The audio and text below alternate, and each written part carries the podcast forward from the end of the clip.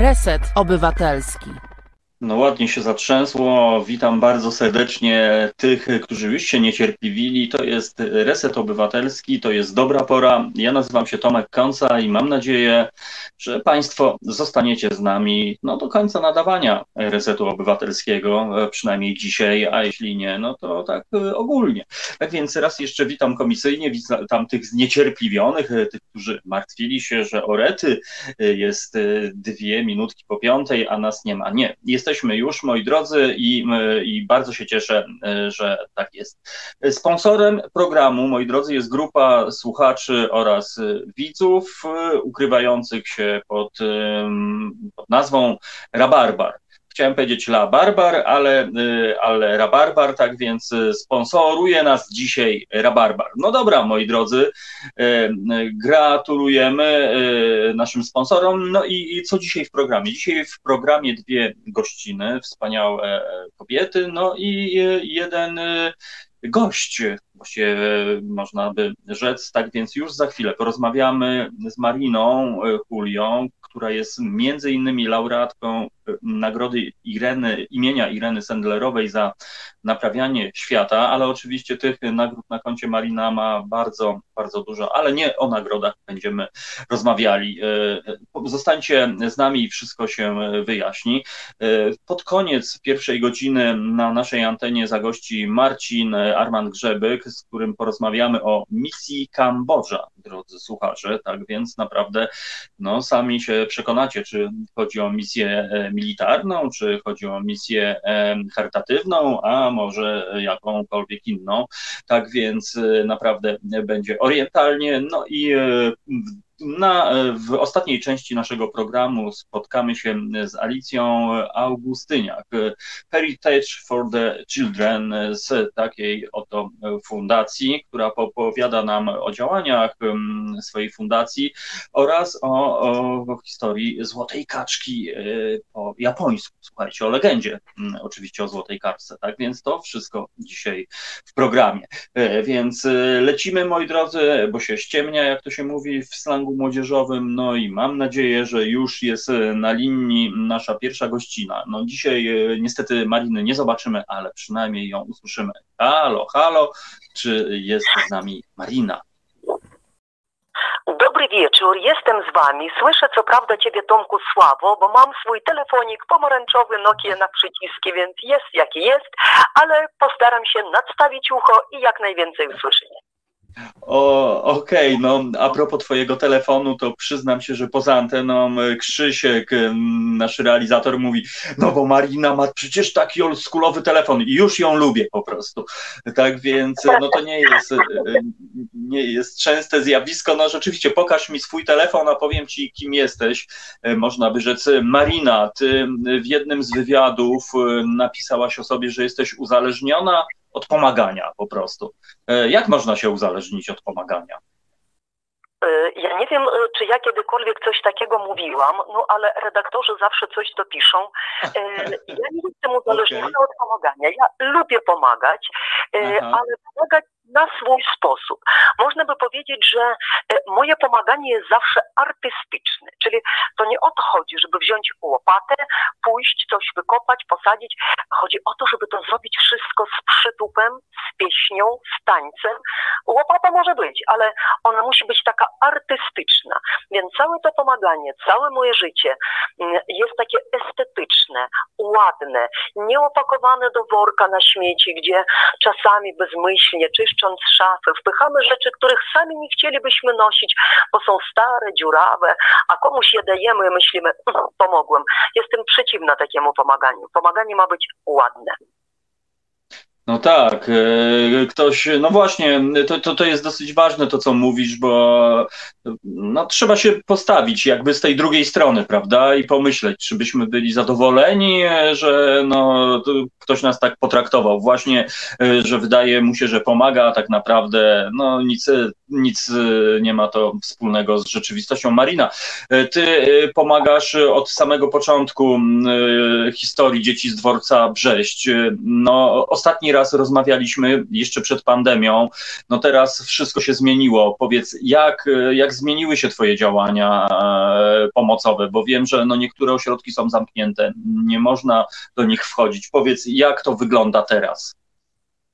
E, teraz to wygląda tak, że do Brześcia ja już pojechać nie mogę, no bo od roku 2016 jeździłam na dworzec w Brześciu, gdzie założyłam szkołę demokratyczną, czyli taką prawdziwą szkołę z nauką rosyjskiego, polskiego, ze śpiewaniem, z tańczeniem, z rysowaniem, z klejeniem. Wszystko to było w marmurowym e, budynku dworca, na tych twardych dworcowych ławach, gdzie w nocy dzieci spały, a za dnia mieliśmy naszą rozśpiewaną, roztańczoną szkołę.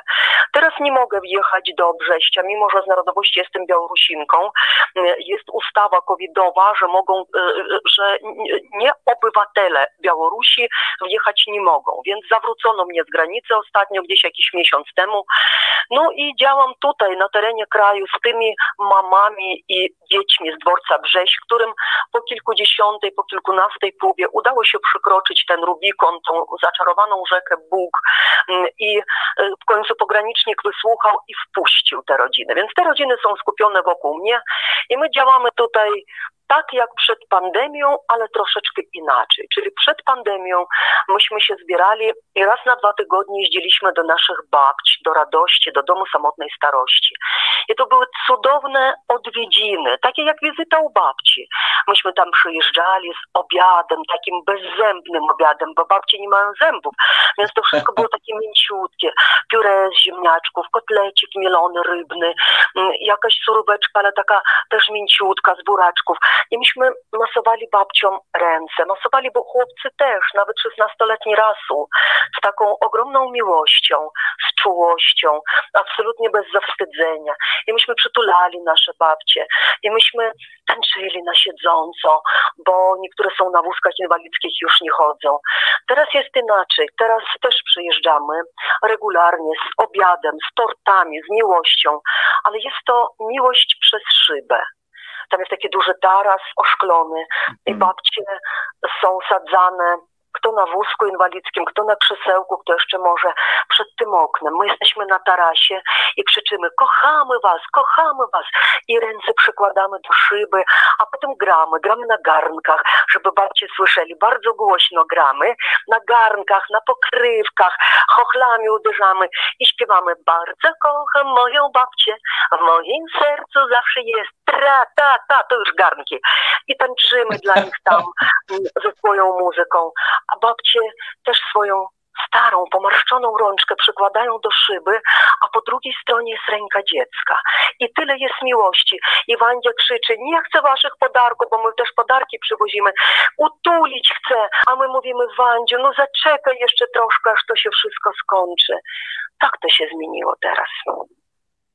Orety, powiem ci, że no z jednej strony fajnie, radośnie, ale z drugiej strony no jest to bardzo, bardzo przejmujące. Rzeczywiście ten kontakt przez szybę to jest taka, taka symboliczna bariera, ale z drugiej strony też nadzieja, tak jak mówisz. No z jednej strony jest ta stara ręka, taka, no, na której właściwie całe życie jest napisane, i z drugiej ta taka ta czysta tablica, gdzie dopiero to życie się pisze po prostu. To jest e, Marina niesamowite. Wiedzą, że o nich nie zapomnieliśmy, że żadna pandemia tego mm -hmm. nie mhm. zmieni, że y, będziemy zawsze, że, że będziemy do nich przyjeżdżać, że będziemy ich przytulać, że mamy ich w serduszkach. Zawsze dzieci rysują rysunki dla babci. Mm, ostatnim razem przywieźliśmy ciepłe skarpetki.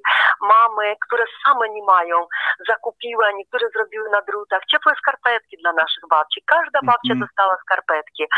A taki nasz tata z dworca Brześć, Wacha, opowiedział pracodawcy, dokąd jeździmy. I pracodawca się tak wzruszył, że od siebie kupił dla każdej babci takie ciepłe, dresowe, cieplutkie spodnie. I to też było cudowne, że to dobro tak popłynęło. No to, to, to działa, widać, że, że to ma taką moc, że no chyba, chyba trzeba nie mieć serca po prostu, żeby jakby temu się oprzeć. Marina, ja zawsze się tak zastanawiałem, skąd ty bierzesz pomysły? Czy ty taką, to się, nie wiem, no metodykę pracy, skąd ty to bierzesz? Bo wiem, że jesteś nauczycielką, e, prowadziłaś e, szkołę, no ale no właśnie, czy ty chodzisz na jakieś kursy, skąd to się u ciebie bierze po prostu? Te niesamowite pomysły, bo za każdym razem jest coś nowego, nowa energia. Ona się nazywa Reksio. Kojarzysz taką Mhm. kreskówkę o Reksiu? No oczywiście, no oczywiście, jak najbardziej. O takim piesku Reksiu, no właśnie. Yy, I nawet teraz jak miałam wywiad do takiej gazety poważnej, Dziennik Gazeta Prawna, to oni podchwycili tą moją opowieść i rozdziały są Reksio założyciel, Reksio artysta. Dokładnie tak można mnie zdefiniować, że ja nie mogę w życiu robić jednej rzeczy. Uczyłam w liceum, mi się to strasznie znudziło, mimo że starałam się co roku wprowadzać inną literaturę, inne utwory, robić to inaczej, po swojemu. Dzięki Bogu to było liceum społeczne, więc nie byłam w ryzach podstaw programowych, tylko mogłam szaleć i absolutnie uczyć rosyjskiego przez literaturę. Mm, Potem pracowałam z osadzonymi e, w zakładach karnych. I jakby e, nieważne z kim i gdzie pracuję, ważne, że ja lubiłam uczyć, jak się znudziło, napisałam książkę, jedną, drugą, potem trzecią. Jak się znudziło, e, napisałam kilka piosenek i nawet jedna weszła do filmu, znaczy do dwóch filmów, bo jedna jest w filmie dokumentalnym Heda, który niedawno był pokazywany na Międzynarodowym Festiwalu Watch Dogs, a przed tym na Dniach Tischnerowskich, a druga była też w takim dokumencie e, w telewizji, więc muzyka, e, słowa, sama wykonuję, nagrywam u mojego przyjaciela Hadriana Tabenckiego w studiu e, i teraz jestem na etapie filmowym. Jestem pomocnikiem Mhm. reżysera Kamila Witkowskiego, cudownego człowieka i robimy już drugi dokument o mamach z dworca Brześć. Pierwszy to właśnie był Heda, o niezwykłej kobiecie, o wolontariuszce, która mi towarzyszyła przez 18 lat, która się śmiała, że poznajemy geografię Polski, jeżdżąc po zakładach karnych, bo Hedeczka mi towarzyszyła. To są fantastyczne historie, które wybrzmiały w filmie i ten film był moim podarkiem Hedzie, która umierała. Odchodziła chora na raka, nowotwór płuc już i ona widziała i ja widziałam, że niewiele zostało. I ten film był takim podarkiem dla Hedy. Był możliwością wypowiedzenia się przez nią, już nie chodzącą, już y, w mieszkaniu we własnym. Mm, Córki ją malowały, ubierały ładnie i ona mówiła swoim cudownym, ciepłym głosem o miłości, o radości życia, nie o umieraniu. Film nie o umieraniu. A teraz robimy drugi z Kamilem, który się nazywa Wszyscy wszystko zjedli. Robimy o Madinie, którą spotkałam na dworcu w Brześciu, która tam koczowała z trójką dzieci. O dziewczynce z kokardką we włosach, która marzyła o tym, żeby dostać samochód, tak jak trójka braci, taki nakręcany samochodzik, bo nie lubiła bawić się lalkami. Potem o dziewczynie, którą wydano za mąż wbrew jej woli. Potem o kobiecie, która 12 lat znosiła piekło bicia ze strony sadysty męża. I wreszcie o Madinie Europejce, która zrzuciła to jarzmo, zabrała dzieci, wyjechała do Polski i zaczęła budować swoje życie na nowo, z godnością. Mm, Mieszka teraz obecnie u Kasi i u Maćka Szturów, którzy poruszeni historią Madiny zaprosili ją i dzieci do swojego domu. I właśnie też Maciek i Kasia występują w epizodach naszego filmu. Wszyscy wszystko zjedli, więc teraz jest kino, film. Już kolejny. No bardzo się cieszę, bo, bo w końcu można by powiedzieć, e, w końcu e, kolejne jakaś, e, kolejne medium, dzięki któremu może świat się jeszcze bardziej dowie o Twoich działaniach, ale rzeczywiście to jest niesamowite. A przy okazji, Marino, dodam, że na czacie naszym YouTube'owym, bo ja śledzę też rozmowy na czacie i jest nasz Maciek Żak, który przysłał tą paczuszkę po prostu dla Madiny, tak więc fajnie się to wszystko cudownie składa. E, To jest naprawdę bardzo szlachetne, że m, ludzie się jednak otwierają, że m, dzielą się, tak jak powiedziałaś, że, że, że Kasia i Maciej Szturowie po prostu zrobili taki gest. Z jednej strony tak się zastanawiam, czy może powinno się właśnie nagłaśniać takie historie, żeby może inni się poczuli, a z drugiej strony, no właśnie, żeby nikt sobie nie pomyślał, że pomagamy po to, że, bo są zdjęcia, że wszyscy inni sobie pomyślą, jacy to jesteśmy fajni. Jak, jak uważasz, czy powinniśmy promować taką, Uważam, taką to postawę? absolutnie trzeba pokazywać mądre pomaganie, bo właśnie Mhm. o niemądrym, już powiedziałam na końcu, na, na, na początku Tak, programu, no, że tak. kiedy to my decydujemy, aha, ja już nie chcę, tych spodni są podarte, ale nic, ktoś sobie zacyruje. Nie, nie zaceruje, bo całe życie ma pocerowane, ponieważ już ludzie, którym dajemy dary, bezdomni, mm, czyli ludzie bez domów, ludzie, którzy uciekli ze swojego kraju, poparzeni przez los, skrzywdzeni, nie można ich krzywdzić dalej. Natomiast jeżeli pokazujemy mądre pomaganie, właśnie takie jak z domem samotnej starości, przecież każdy z Was, mhm. z nas ma w okolicy taki dom, też może tam przyjść i odwiedzić opuszczoną, samotną osobę. Kiedy właśnie pokazujemy takiego Maćka i Kasię, którzy nie tylko słownie mówili, och, jak to trzeba przyjąć przybysza, och, jak to trzeba pomóc, tylko po prostu przyjęli pod swój dom, dzielą kuchnię jakby na dwie rodziny i już mieszkają ósmy miesiąc, tak? To nie jest na trzy dni, mhm. prawda? Więc stwierdzili, że ich przestrzeń jest o tyle duża, że zmieści się w niej jeszcze cztery osoby. Matka, która samotno wychowuje trójkę dzieci.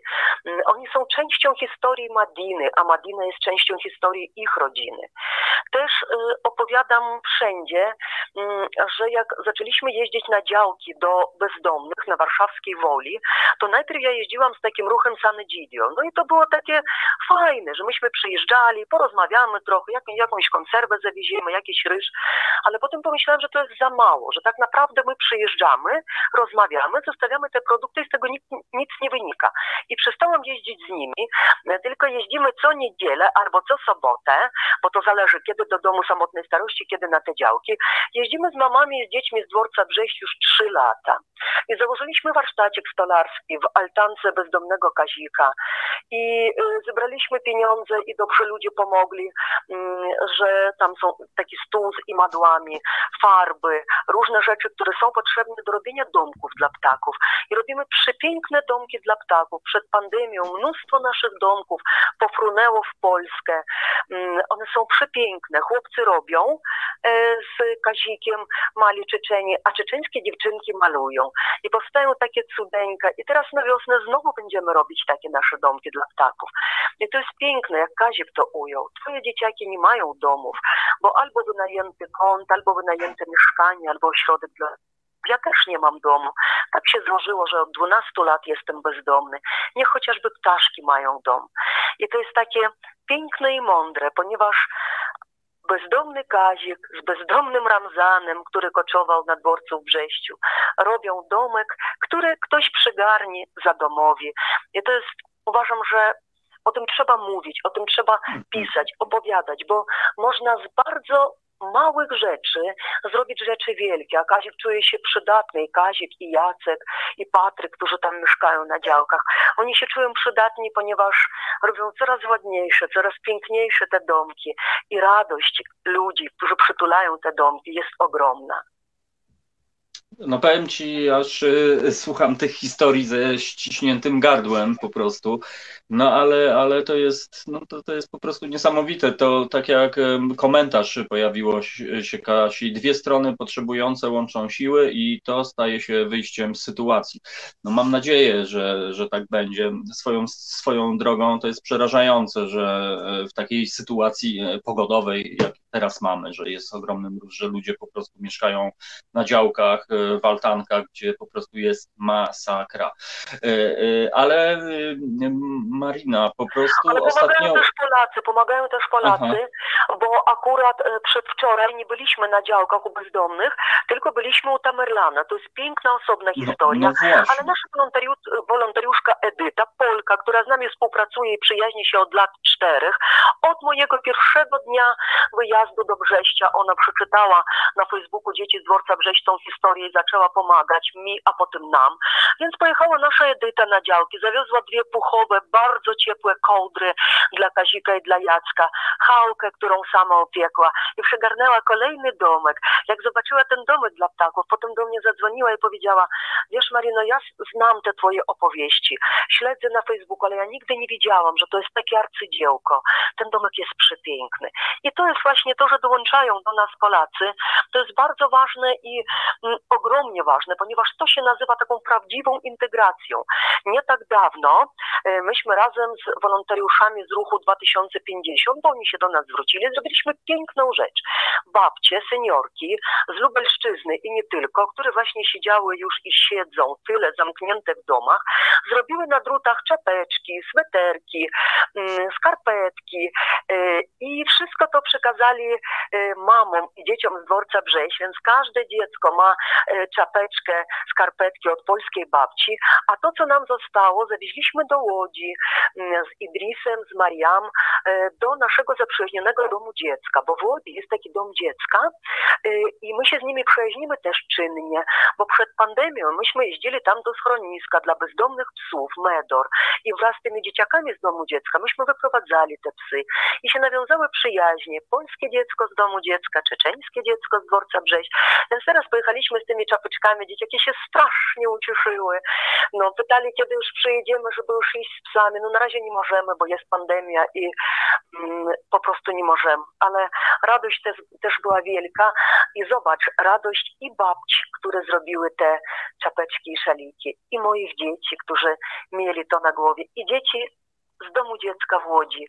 I to jest taka, taki łańcuszek dobroci, takie sypnięcie dobrocią, dobrocią dalej.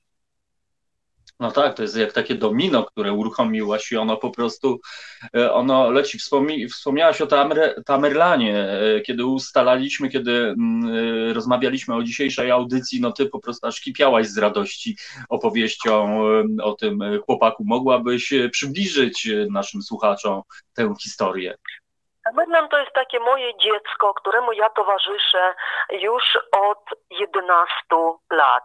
E, to jest taka historia, która się zaczęła mm, właśnie 11 lat temu, kiedy już nikt nie chciał uczyć Tamerlana, bo Tamerlan ma cały bukiet chorób, takich brzydkich jak osty, to jest i zespół Aspergera, i afektywna dwubiegunowa. On jest ogromnie mm, chorym e, dzieckiem, więc już żadna nauczycielka nie chciała uczyć Tamerlana, nawet w ramach nauczania mm, I wtedy legenda edukacji, Korczak, nie w spódnicy, bo Krysia chodzi zawsze w spodniach, czyli Krystyna Starczewska, założycielka legendarnej Bednarskiej, wezwała mnie i powiedziała, Marino, będziesz uczyła Tamerlana. Ależ jak to spytałam Krysi? Przecież ja jestem nauczycielką rosyjskiego na poziomie liceum, a ty mi każesz uczyć siedmiolatka polskiego, y, matematyki. Przecież ja nie umiem. A Krysia powiedziała, że on ma w papierach od psychiatry napisane, że może nigdy nie nauczyć się czytać i pisać. Po prostu go pokocha pokochaj. I to było to. Pokochałam Tamerlana ogromnie. Mm, I kiedy już on kochał, to mnie kiedyś spytał, Marina, a jeśli zabiją wszystkich Czeczenów na ziemi i zostanę tylko ja, to czy będę zagrożonym gatunkiem objętym ochroną?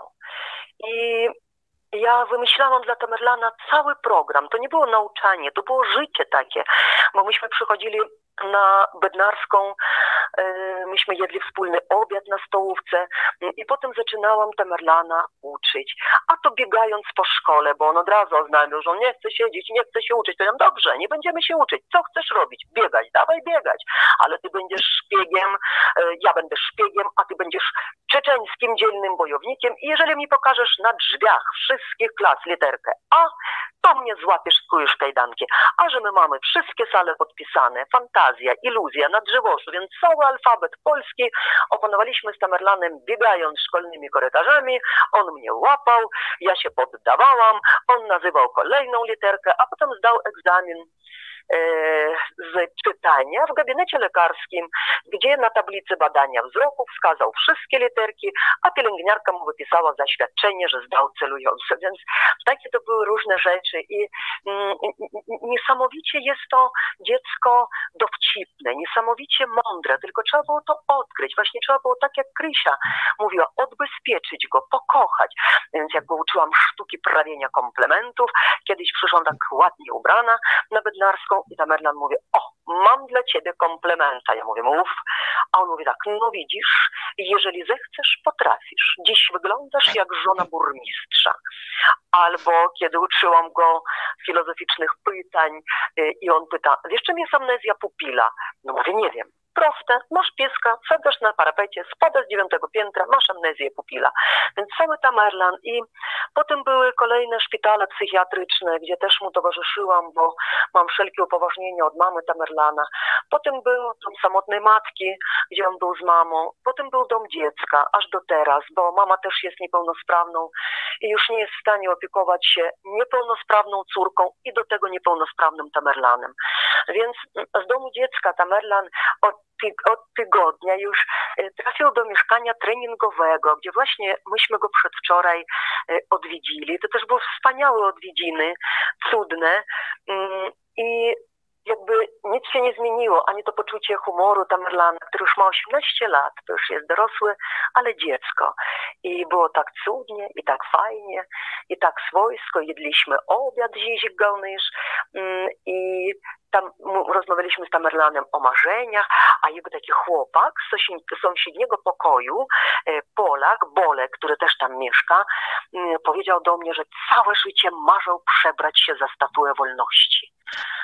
I że, I że to zrobił, że to wczoraj zrobił i że była klasowa impreza e, online i że on się przebrał za statuę wolności i postawił chipsy obok i Coca-Colę i powiedział spełniłem marzenia.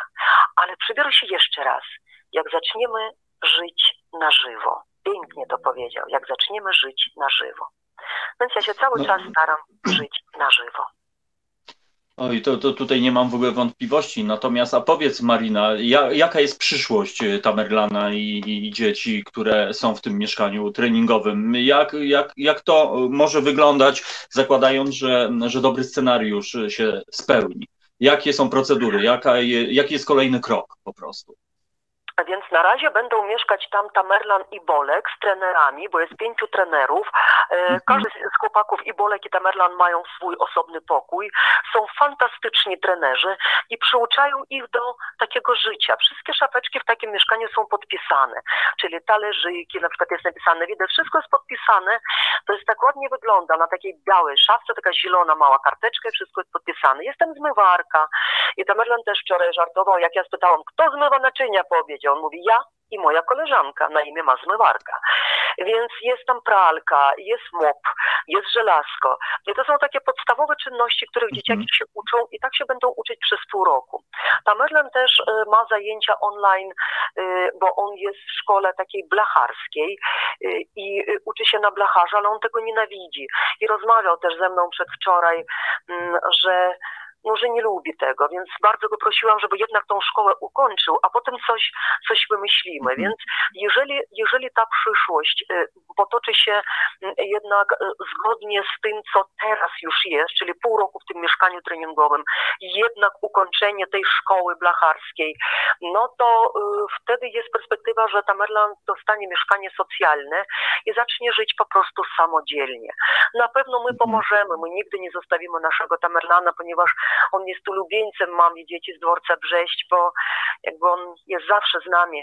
Mm, on nie koczował na dworcu Brześciu. Tamerlan urodził się już w Polsce. Ja jego mamę znam właśnie od 11 lat, mm, ale kiedy ja zaczęłam często jeździć do Brześcia i mnie nie było, już nie uczyłam wtedy Tamerlana, to on do mnie zadzwonił i powiedział, Marina, ja tak za tobą tęsknię, a ty ciągle jesteś z innymi dziećmi z dworca Brześć, a mogę się zapisać do tych dzieci z dworca Brześć.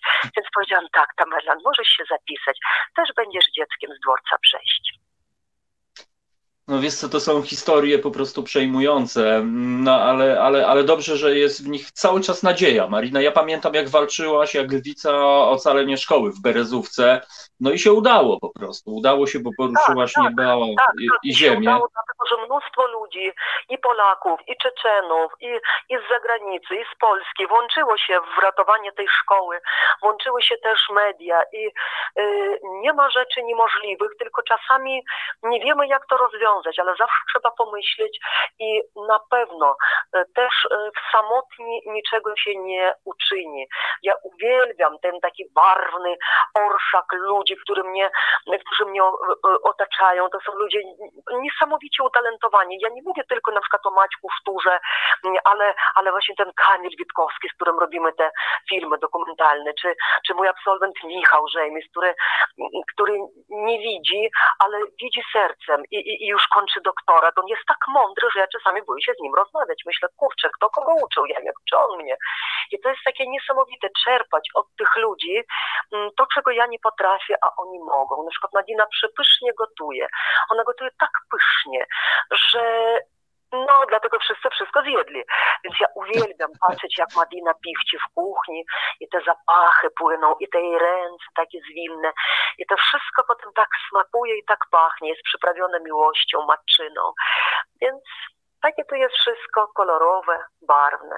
No właśnie, to, to tak naprawdę to chyba y, ludzie, którzy wiesz, mają wszystko, są zalatani, y, powinni się chyba uczyć takich właśnie od takiej Madiny chociażby, takiej, takiego podejścia, tak jak mówisz, tej miłości, tego, która jest po prostu no, potrzebna do, do, do życia. No. E, to jest naprawdę bardzo, bardzo przejmujące. Marina, ty, ty jesteś laureatką wielu nagród, e, z której, e, znaczy nie wiem, czy to jest dobre pytanie, ale, ale czy któraś z tych nagród jest szczególnie ci bliska? No na pewno nagroda imienia Ireny Sendlerowej za naprawianie świata i na pewno nagroda, którą dostałam niedawno imienia Józefa Tischnera to były dni tischnerowskie poświęcone nadziei, a mhm. nadzieja kieruje się ku przyszłości. I uważam, że nam teraz właśnie potrzeba tej nadziei i te, tej mądrości takiej życia, że wszystkie te rzeczy, wszystkie te ciuchy, to wszystko jest zbędne. Ja naprawdę mam w domu jeden garnek mały taki, zastanawiam się, żeby mieć jeszcze drugi, bo jestem sama, po co mi więcej.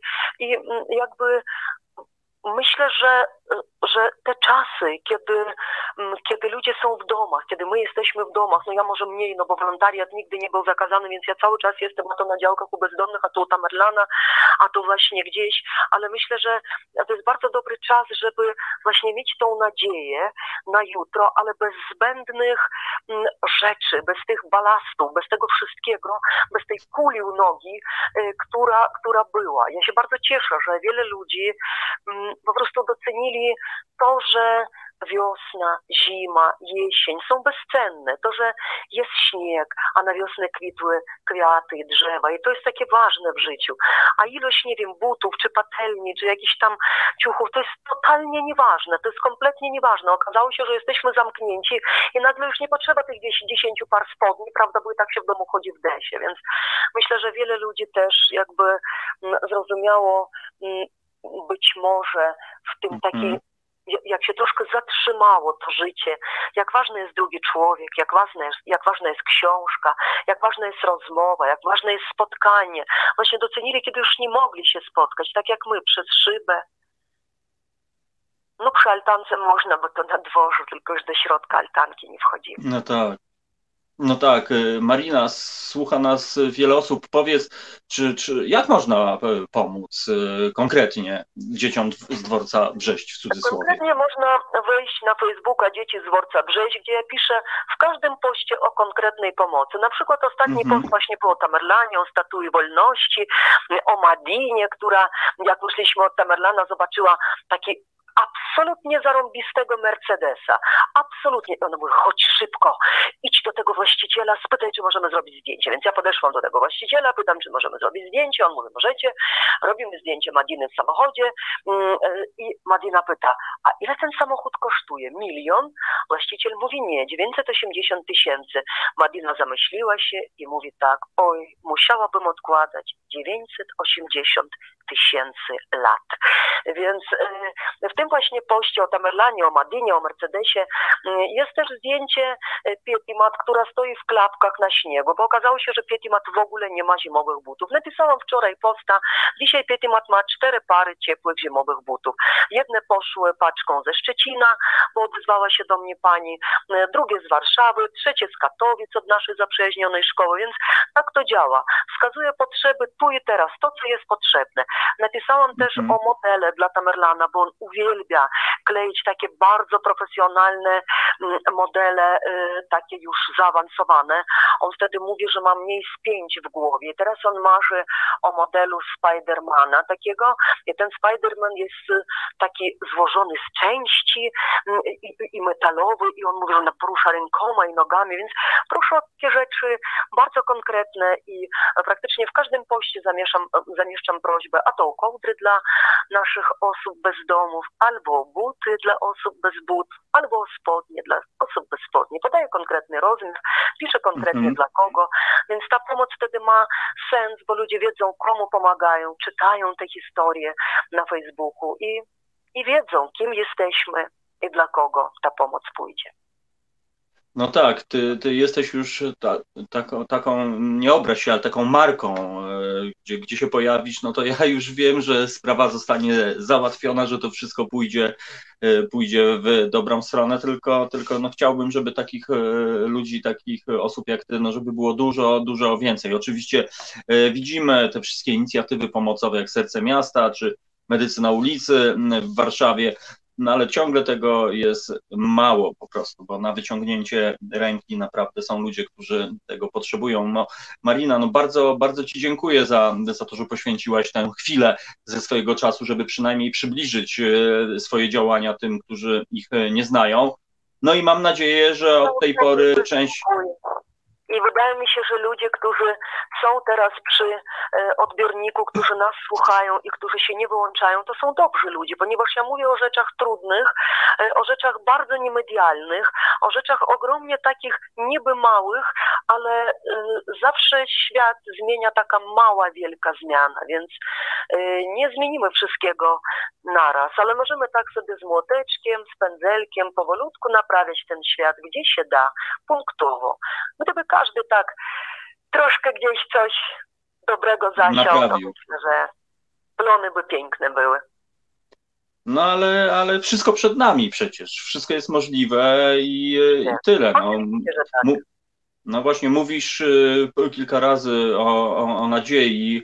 Ja sobie teraz taką definicję przypomniałem nadziei, że nadzieja to jest pierwszy krok, y, kiedy nie widać drogi po prostu.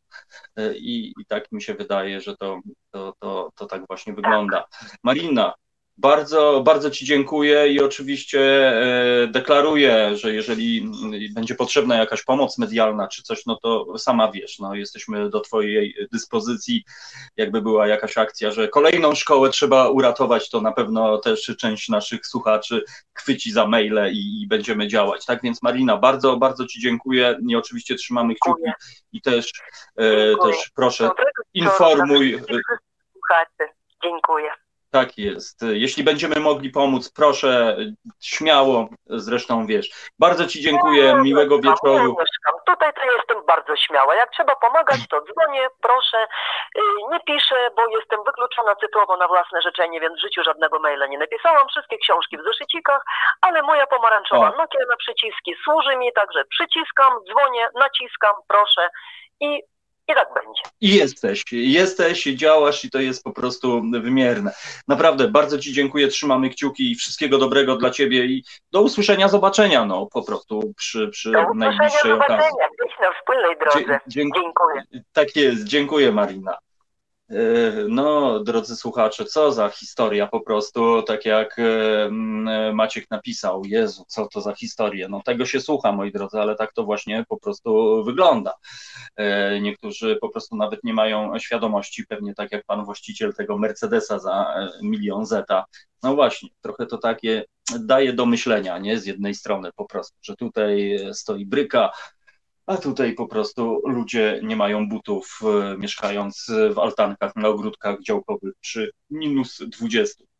No ja się na to nie godzę po prostu i nigdy godzić się nie będę. To jest reset obywatelski, e, moi drodzy, Tomek Konca, no i drobna muzyczna przerwa, bo już za chwilę e, kolejny gość. Tak więc zostańcie z nami, a DJ Kristosz teraz wam zagra, no i za dwie i pół minutki widzimy się znowu.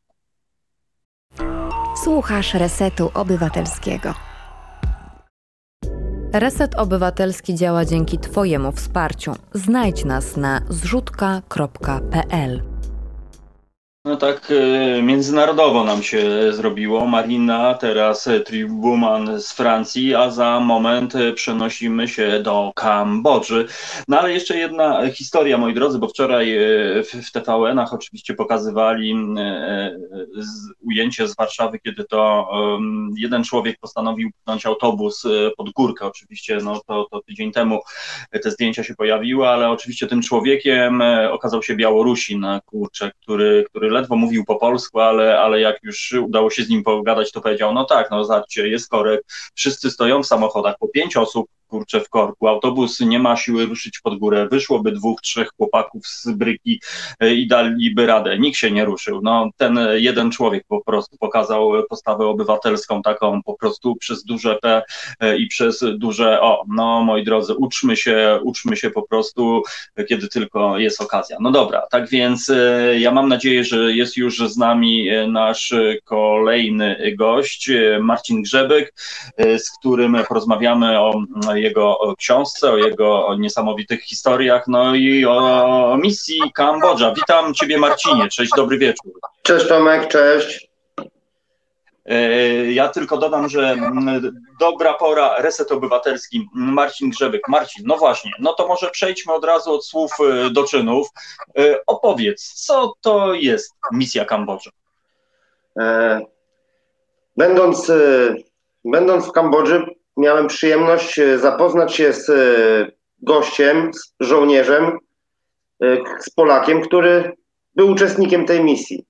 Jakoś zaprzyjaźniliśmy się ze sobą, utrzymujemy kontakt i w międzyczasie chłopaki, którzy byli na tej misji, wpadli na pomysł, żeby napisać książkę.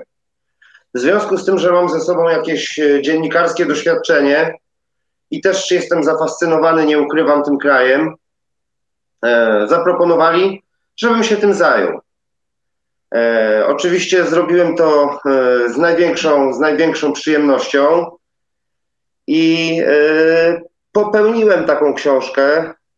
To jest, y, jest jeszcze nie wydana, ale mam nadzieję, że jakoś uda nam się to wszystko y, dokończyć, tak żeby fizyczna, była po prostu fizyczna wersja te, tego, tego, co zrobiłem. To jest y, prawie 300 stron i chyba z 400 nigdzie, nie, nigdy nigdzie nie publikowanych zdjęć. Super ciekawa w ogóle historia jest z tą misją w Kambodży Polaków, ponieważ w świadomości e, społecznej, społeczeństwa, ta misja jest zapomniana. Wydaje mi się, że jakby ktoś zapytał, e, gdzie była pierwsza zbrojna potyczka polskiego oręża po II wojnie światowej, no to co się kojarzy? Karbala. Polacy odparli atak w Karbali, a to nie do końca jest prawda, ponieważ e, w 1993 roku, mimo że to była misja pokojowa i Polacy pojechali tam głównie po to, żeby przygotować przygotować Kambodżę pod, pod pierwsze wolne wybory. Zresztą, co najśmieszniejsze, w tych wolnych wyborach również e, startował e, Pol Pocik. to jest dobre. I w ogóle e, Pol Pot umarł sobie w 98 roku przez nikogo niepoko- nie niepokojony. Po prostu ze starości zszedł gdzieś tam w jakimś swoim domu w dżungli.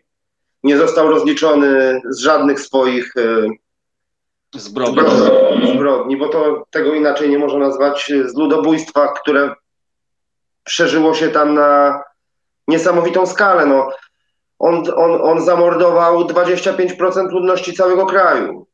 Ja, będąc w takim, przepraszam, że tak przeskakuję trochę z tematu na temat, ale będąc w takim, e, w takim więzieniu, które było przyrobione ze szkoły, to się nazywa Tulslang, SS-21. Słuchaj, słuchajcie, e, przeżyłem tam jak déjà vu po prostu, patrząc na ślady krwi na schodach, Widziałem wcześniej te dzieci biegające, uśmiechnięte, yy, chcące się uczyć, a później tych więźniów i te salki podzielone na maleńkie boksy, w których ludzie byli przetrzymywani, przykuci jeszcze do, do, do ziemi łańcuchami. I tak sobie nawet wtedy pomyślałem, może to jest trochę też okrutne, co powiem, ale Stalin i e, Hitler to w porównaniu z Polpotem to były fajne chłopaki, bo mordowali, naturalnie i gułagi były obozy koncentracyjne, ale to, co oni robili, to było po prostu o wiele bardziej humanitarne, w cudzysłowie oczywiście humanitarne, bo to, to był dramat, tak samo to było, to było może nie wymyślali aż tak wyuzdanych y, tortur, jak, jak to robili Czerwoni Kmerzy i najgorsze w tym wszystkim również jest to, że tych okrutnych mordów dokonywały dzieci, bo byli tak straszliwie zindoktrynowani e, poprzez e, ten komunizm, że jak tacy janczarze, jak no, no, no, od, od malutkiego byli wychowywani właśnie w tym wszystkim, e, w, tym, w, w tej całej ideologii. A pan Pol Pot w ogóle to był człowiek, który, który pochodził z fajnej takiej rodziny, która miała kontakty z dworem królewskim. Jego, ciot, jego ciotka bodajże była nałożnicą króla Sichanuka, także oni mieli wjazd na dwór królewski. W 1949 roku wysłali go na studia do Paryża. I słuchajcie, tutaj jest śmiesznie, bo od razu jak on sobie przyleciał do tego Paryża, to wstąpił do takiego studium marksizmu, leninizmu i stalinizmu.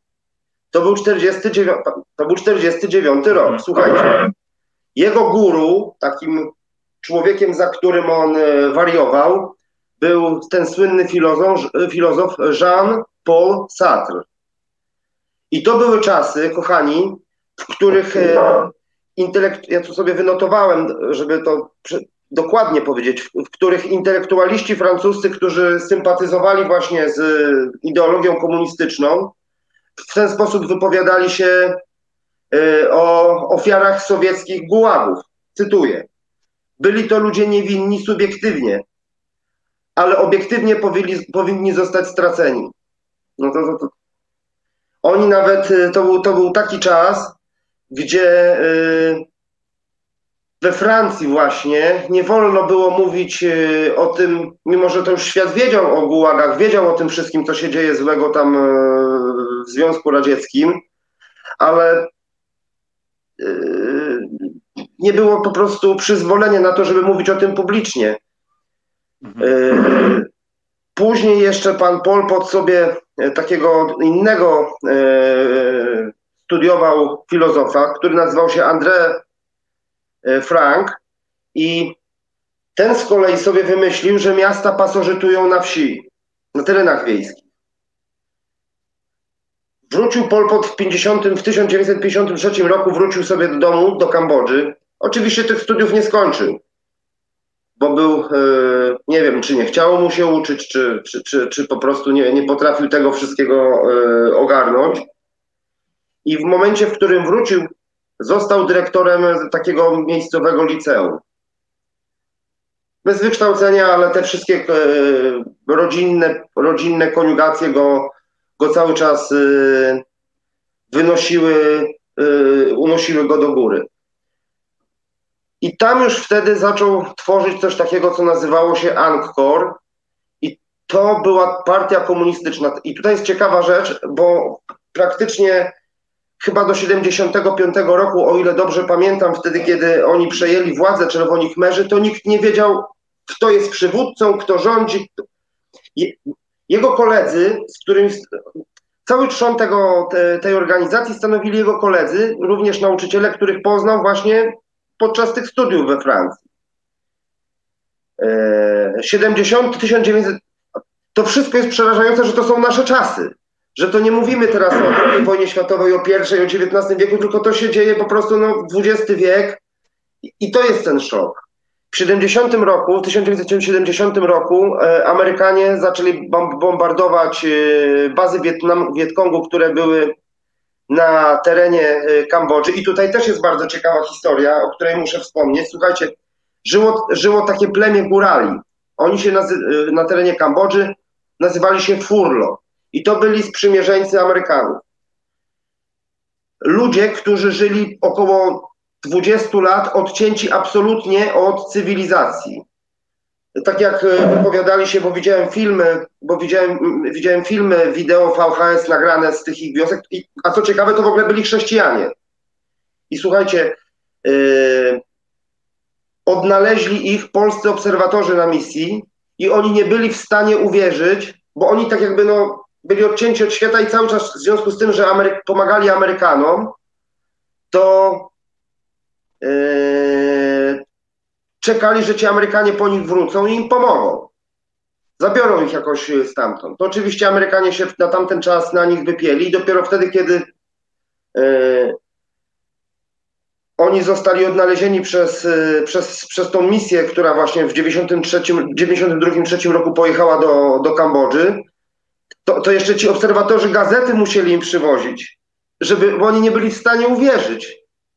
I dzięki tym, historia z tymi góralami kończy się tak, że dzięki tym, tym wszystkim perturbacjom e, wszyscy ci, którzy chcieli, dostali zielone karty do, do Ameryki i wszyscy ci, którzy chcieli, wyjechali legalnie do, yy, do Stanów. To taka hmm. ciekawa historia, bo to, bo to się rzadko kiedy zdarza. A wracając do Polpota, no to w 1975 roku on przejął władzę i jak przejął tą władzę, to zaczął się dramat. Na początku zostali, zostawali wysiedlani ludzie z miast y, na wieś. Wtedy, wtedy zaczęło, zaczęło się praktycznie to ludobójstwo i, i, i uśmiercanie własnego narodu, no bo y, weź tu mieszczucha, y, wyrzuć na wieś, daj mu kawałek ziemi i jak on ma to uprawiać, jak on o tym nie ma zielonego pojęcia. Na takich wsiach byli komisarze, i jakbyś poszedł na przykład się poskarżyć, że nie wiem, coś mi nie odpowiada, no to już była za to kara śmierci. No nie odpowiada ci czapa, krótka piłka. I co, naj, co najstraszniejsze, tam egzekucje nie wyglądały właśnie w ten sposób. Egzekucje, gdzie są te słynne pola śmierci pod Phnom Penh, wyglądały tak. E, przyjeżdżały ciężarówki z rozebranymi do naga już y, skazańcami, są niewinnymi ludźmi w 99%. I tacy nie, y, z głośników leciała ichniejsza, taką komunistyczna powiedzmy muzyka chwaląca, chwaląca Polpota. Typ podchodził na skraj wykopanego dołu, a kat uderzał go kijem bambusowym w potylicę. Także około 30-40% ludzi przeżywało to uderzenie spadało do dołu i zostawali ci ludzie zakopywani yy, żywcem. I yy, co to, to, też jest fajne, co wy sobie wymyślili Czerwoni Kmerzy i, i, i to było ich takim propagandowym hasłem. Do, do budowy tam potrzebna jest nam tylko edukacja polityczna. W naszym ustroju nie będziemy posyłać dzieci do szkoły. Nasza szkoła to wieś. Naszym papierem jest ziemia, a piórem pług. Będziemy pisać orząd. No. No. Sytuacje, w których e, e, rodzice donosili na własne dzieci, dzieci donosiły na własnych rodziców. Ludzie przed czerwonymi kmerami potrafili chować się w jeziorach i siedzieć pod wodą z rurkami bambusowymi, oddychać, żeby tylko, żeby tylko nie zostać przez nich przez nich, przez nich złapani, bo to jest dramat. W 79 roku, e, tak jakby, tak jakby o czym tam mówiłem wcześniej na swoim, w swoim felietonie w Radio Konsao, tak jakby oswobodzili ich Wietnamczycy. Tylko tutaj powstał pewien konflikt, bo Wietnamczycy, sprzy, Wietnamczykom sprzyjali Chińczycy, a Khmerom sprzyjali Rosjanie bardziej. I tutaj był taki konflikt i dlatego przez długi okres czasu była ta, ta, ta cała wojna domowa, powiedzmy. W, 80, w 92 roku y, została zorganizowana y, misja wojsk, pokojowa misja wojskowa, która nazywała się UNTA.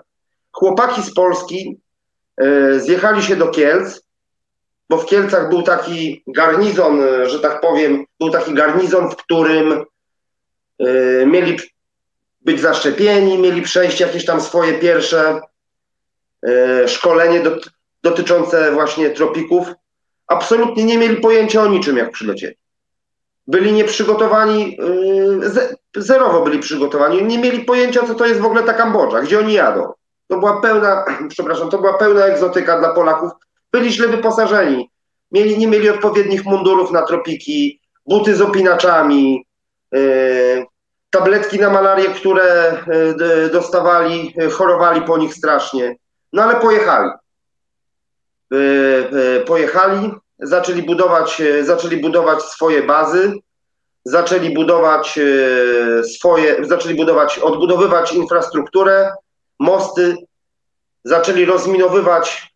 Do dzisiaj w Kambodży jest pełno min i nawet w jakimś programie Martyny Wojciechowskiej widziałem, jak jakieś kobietki Y, rozminowywały te pola, także sam, sam widziałem takie, takie czerwone tabliczki y, z, z trupią czachą, y, żeby gdzieś tam nie włazić, bo może to się skończyć tragicznie. No zbudowali te, budowali te bazy, przygotowywali pod te powiedzmy wolne wybory ten kraj. I teraz nawiążę do tej właśnie sytuacji, która się zdarzyła e, w, w Siem Reap. Siem Reap to jest taka miejscowość, która jest bardzo blisko od tego jednego z cudów świata, który się nazywa Angkor Wat. Tam, e, tam gdzie był kręcony Tomb Raider e, z Angeliną Jolie. Wszystkie te obozy, bo już tam po pewnym czasie Polacy się zorientowali, że no, trzeba ufortyfikować te swoje pozycje, może być niebezpiecznie. Jesteśmy tutaj w pokoju, jesteśmy tutaj do wszystkich pokojowo nastawieni, ale strzeżonego Pan Bóg strzeże. Więc ufortyfikowali te pozycje i nie wiem, czy, czy mogę o tym powiedzieć, ale myślę, że powiem o tym. I w ciągu dnia przyszły panie, bo to jest taki przemilczany fakt, ale to nie kompromituje nikogo. W ciągu dnia przyszły dziewczyny, które mm, pracowały w najstarszym zawodzie świata pod y, jednostkę i powiedziały, że coś się może dziać w nocy Polakom. I Polacy, nie wiem czy uwierzyli, czy nie, ale jakoś tam byli przygotowani i rzeczywiście y, nastąpił atak y, na polską tą bazę. Y, była okropnia strzelanina, walili do nas z moździerzy, z broni maszynowej, z jakichś tam e, wyrzutni rakiet. Widziałem filmy e, z tego całego zamieszania. E, wyglądało to naprawdę groźnie. Na szczęście żadnemu z naszych nic się nie stało. Prawdopodobnie wielu kmerów na szczęście, bo nikomu nie życzę źle, no, wielu kmerów też żeśmy nie usiekli z tego, z tego co oficjalnie się dowiedziałem, to dwóch czy trzech tylko albo zginęło, albo było rannych, bo, bo później tam ktoś przyszedł rano i za, y, zabierali, zabierali tych, y, tych absztyfikantów, którzy zaatakowali y, ten polski kamp. A tutaj też oni atakowali, dlaczego? Chcieli ukraść benzynę, chcieli ukraść amunicję, tych obozów, no były sytuacje, były sytuacje też mega hardkorowe kiedy e, Kmerzy uprowadzili polskich żołnierzy, czerwoni Kmerzy uprowadzili polskich żołnie, polskiego żołnierza i przetrzymywali go i była, była olbrzymia niepewność, czy on w ogóle wróci żywy do Polski. Misja, kurczę, nie pamiętam teraz, e, kto był wtedy ministrem, kto był wtedy ministrem od wojskowości, bo też byli odwiedzeni przez tego ministra, ale Polacy, to też jest ciekawe. Polacy mieli gorsze uposażenie niż Bułgarzy na przykład. Bo na tej misji prócz Polaków byli Bułgarzy, byli Ma Malezyjczycy, byli Niemcy z RFN-u, zajmowali się e, szpitalami, pobudowali tam polowe szpitale, była Legia Cudzoziemska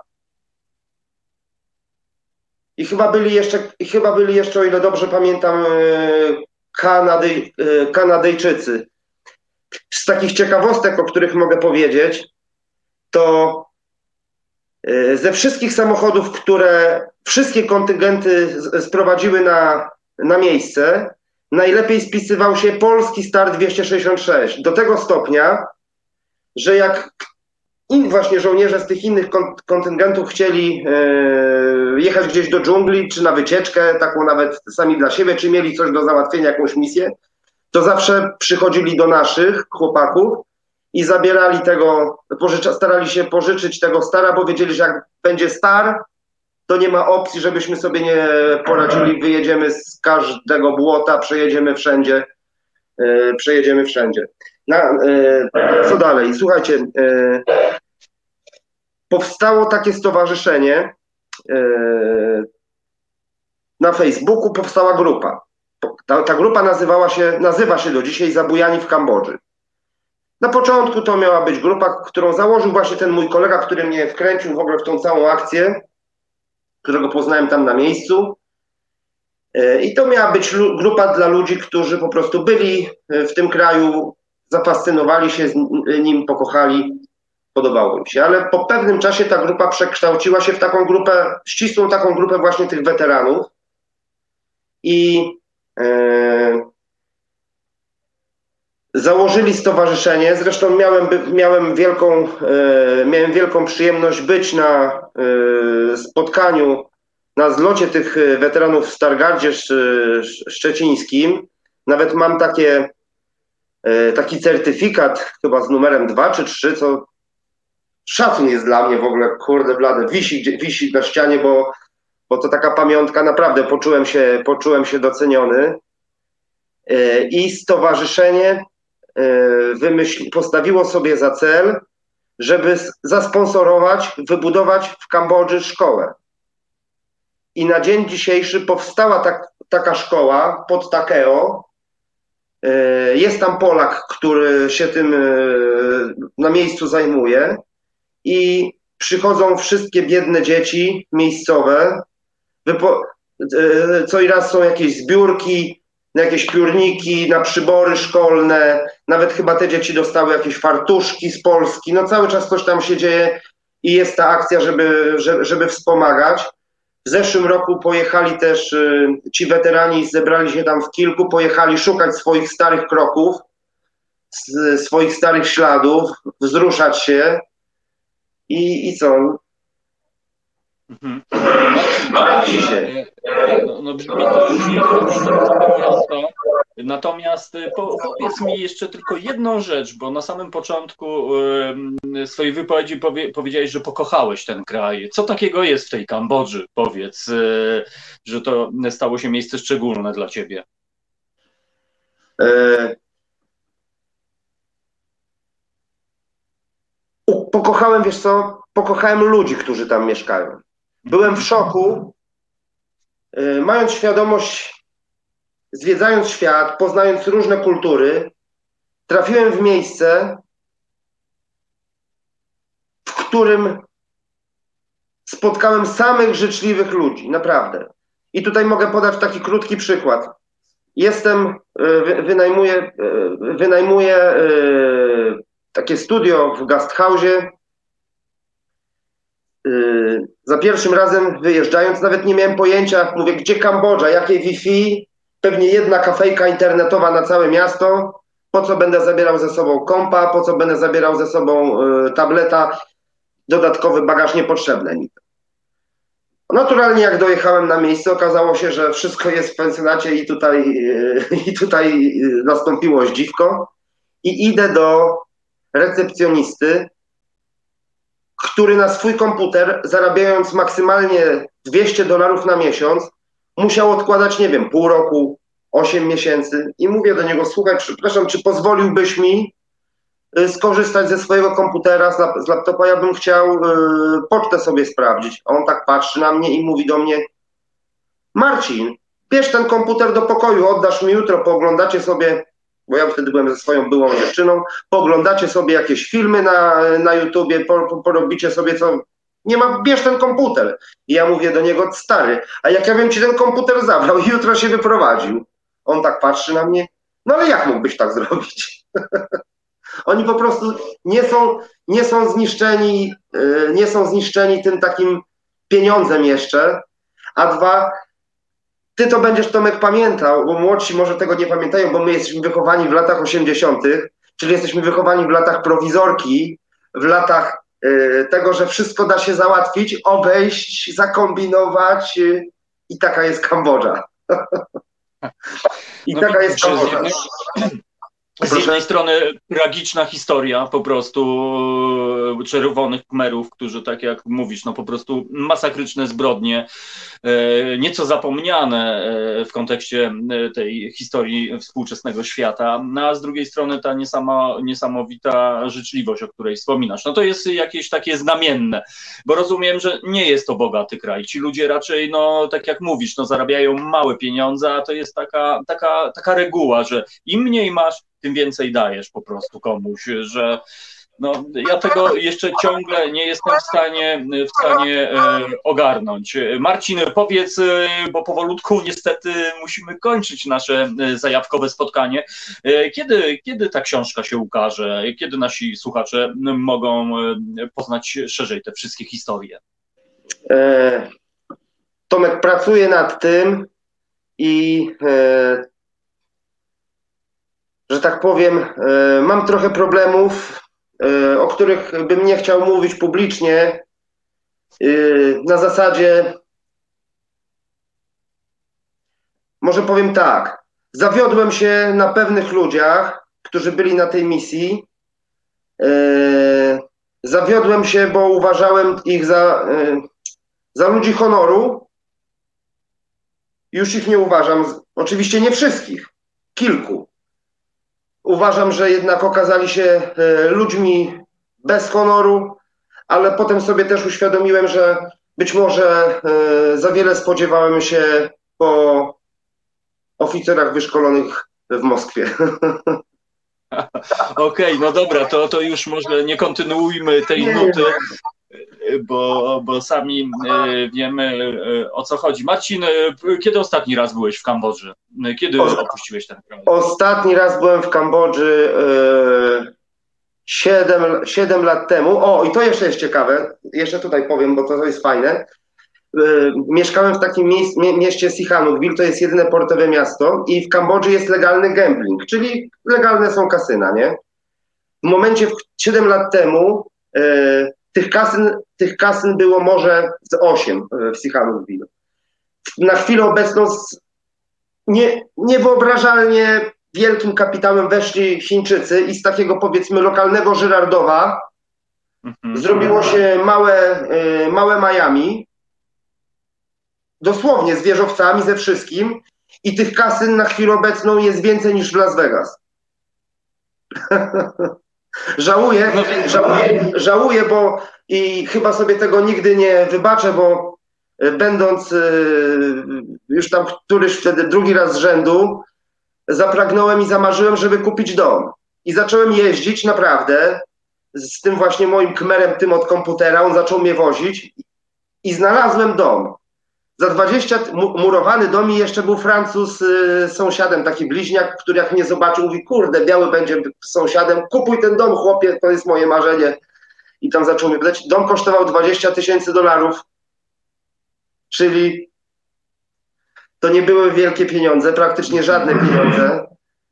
Nie zdecydowałem się na to, a teraz y, kurczę, miałbym naprawdę, urosłaby ta cena i pomijam, że miałbym świetną miejscówkę, do której mógłbym zawsze wracać, to dwa, mógłbym na tym trochę też i y, skorzystać finansowo, no. no ale cóż, nie ma, co, nie ma czego żałować, bo y, kiedy tylko kiedy tylko będzie okazja, y, to jadę tam, jadę tam z powrotem, tym bardziej, że właśnie ten mój przyjaciel od tego komputera, y, Cheng, y, stawia sobie za punkt honoru i powiedział, że nie, nie ożeni się, dopóki ja, y, bo ja mu kiedyś obiecałem, że jak będziesz brał ślub, to będę. I on powiedział, że dopóki ja nie przyjadę, to on będzie czekał z tym ślubem.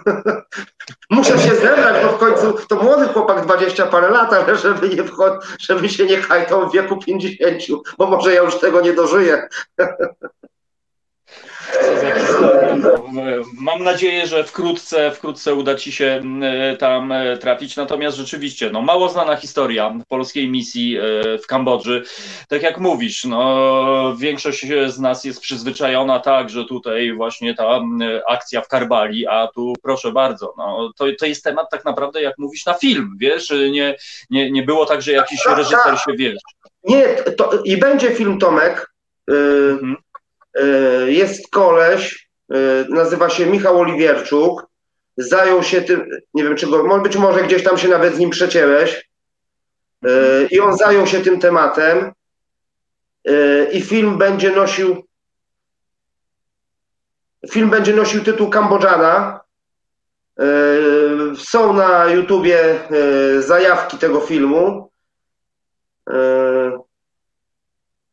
Wspieram tą, znaczy może, może już nie wspieram tej akcji, bo na początku wspierałem tą akcję mocno, teraz może troszeczkę mniej to wspieram, ale kibicuję, powiedzmy, no kibicuję i chciałbym, żeby troszeczkę te, te, te, tą historię odkłamać, bo y, została wydana jedna książka y, pana Głuchowskiego, dziennikarza Gazety Wyborczej, na ten temat, który strasznie dużo nieprawd y, tam wrzucił. Ci żołnierze byli bardzo rozgoryczeni, rozczarowani w ogóle i smutni, że przedstawili, zostali przedstawieni jako pijacy, narkomani, dziwkarze i jeszcze, że przywieźli do Polski HIV. No, no to nie no, Przykre to jest. A y, on spodziewali się, nie spodziewali się, wiesz, y, y, penów na swój temat, jacy to byli super, ale spodziewali się po prostu takiego uczciwego przedstawienia, tak, tak jak było. No. Skoro do dzisiaj pamiętają naszych, naszych żołnierzy Kmerowie i darzą ich sentymentem i wielkim szacunkiem, w ogóle Polaków, o wiele większym szacunkiem jesteśmy darzeni w Kambodży jako Polacy niż Amerykanie. Tak, niż Rosjanie. Tam naprawdę jesteśmy, yy, tam, jak się mówi, oni wiedzą, co to jest Polska. No może nie wszyscy, no bo wiadomo, yy, różni się ludzie y, trafiają, ale generalnie ludzie wiedzą, y, co to jest Polska i że Polacy tutaj byli i że mają jakiś wkład w odbudowę tego kraju, który został zniszczony przez y, tyrana, okrutnego tyrana, no. No, bardzo, bardzo ważne słowa, Marcin. E, słuchaj, no, no, bardzo Ci dziękuję za to, że poświęciłeś chwilkę. Trzymam kciuki za książkę, bo nie możemy się jej doczekać. E, no i cóż, mogę powiedzieć, do usłyszenia następnym razem. Marcin Grzebyk dzisiaj był naszym gościem, no i w ten zajawkowy sposób no trochę, trochę liznęliśmy, bo to tylko tak można powiedzieć, historię Kambodży, a właściwie polskiego e, wątku w tym kraju o, te, o tak tragicznej w sumie historii. No, co, co, za, co za rzecz, no naprawdę no nie można przejść przy, przy czymś takim obojętnie. Marcin, bardzo Ci dziękuję, e, do usłyszenia. No my się jutro, jutro widzimy w Radiu Koncao. Tak, tak, tak. Jutro widzimy się w Radio Konsao, także zapraszam wszystkich do Radio Konsao. A tu jest Reset Obywatelski i Reset Obywatelski też e, poproszę Cię, bo Ty jesteś przy okazji medialną postacią, to weź takiego plate'a dla Resetu. No teraz, dawaj. Zapraszam wszystkich na Reset Obywatelski.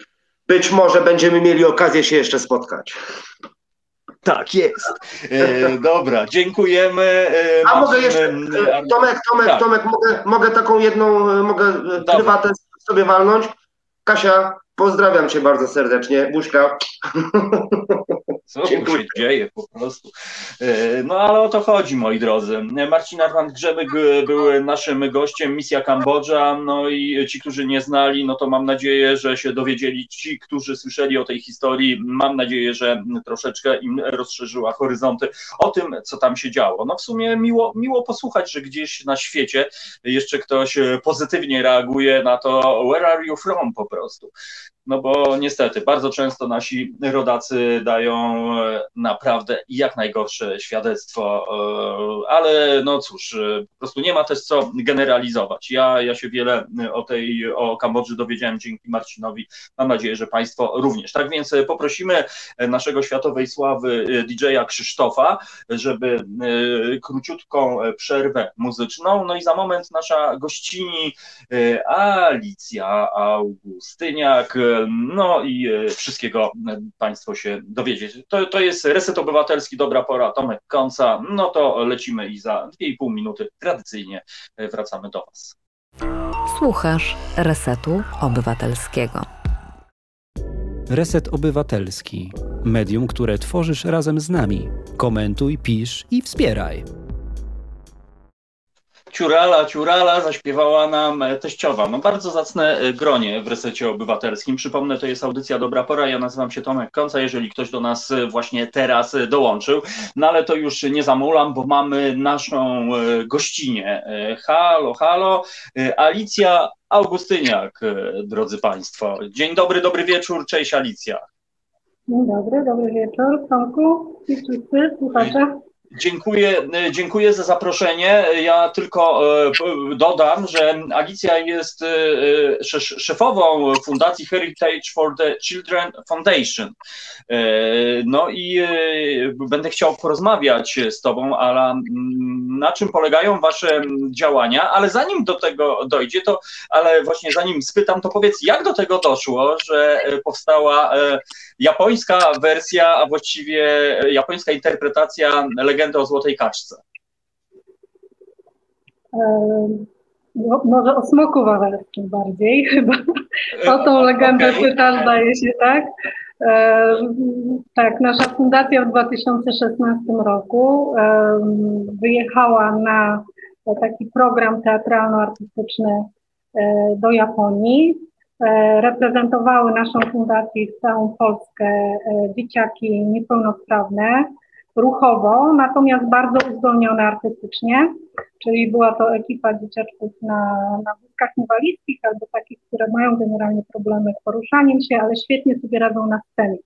No i to, co się wydarzyło, było bardzo ważnym wydarzeniem e, dla tych dzieci w rozwoju ich kariery, ale w ogóle też dla kultury polskiej, bo było to pierwsze polskojęzyczne przedstawienie teatralne w Tokio e, w historii relacji stosunków kulturalnych polsko-japońskich. E, przedstawienie o smoku wawelskim przygotowywaliśmy przez cały rok w Polsce, odbywały się próby, rodzice szyli kostiumy, dzieci ćwiczyły role.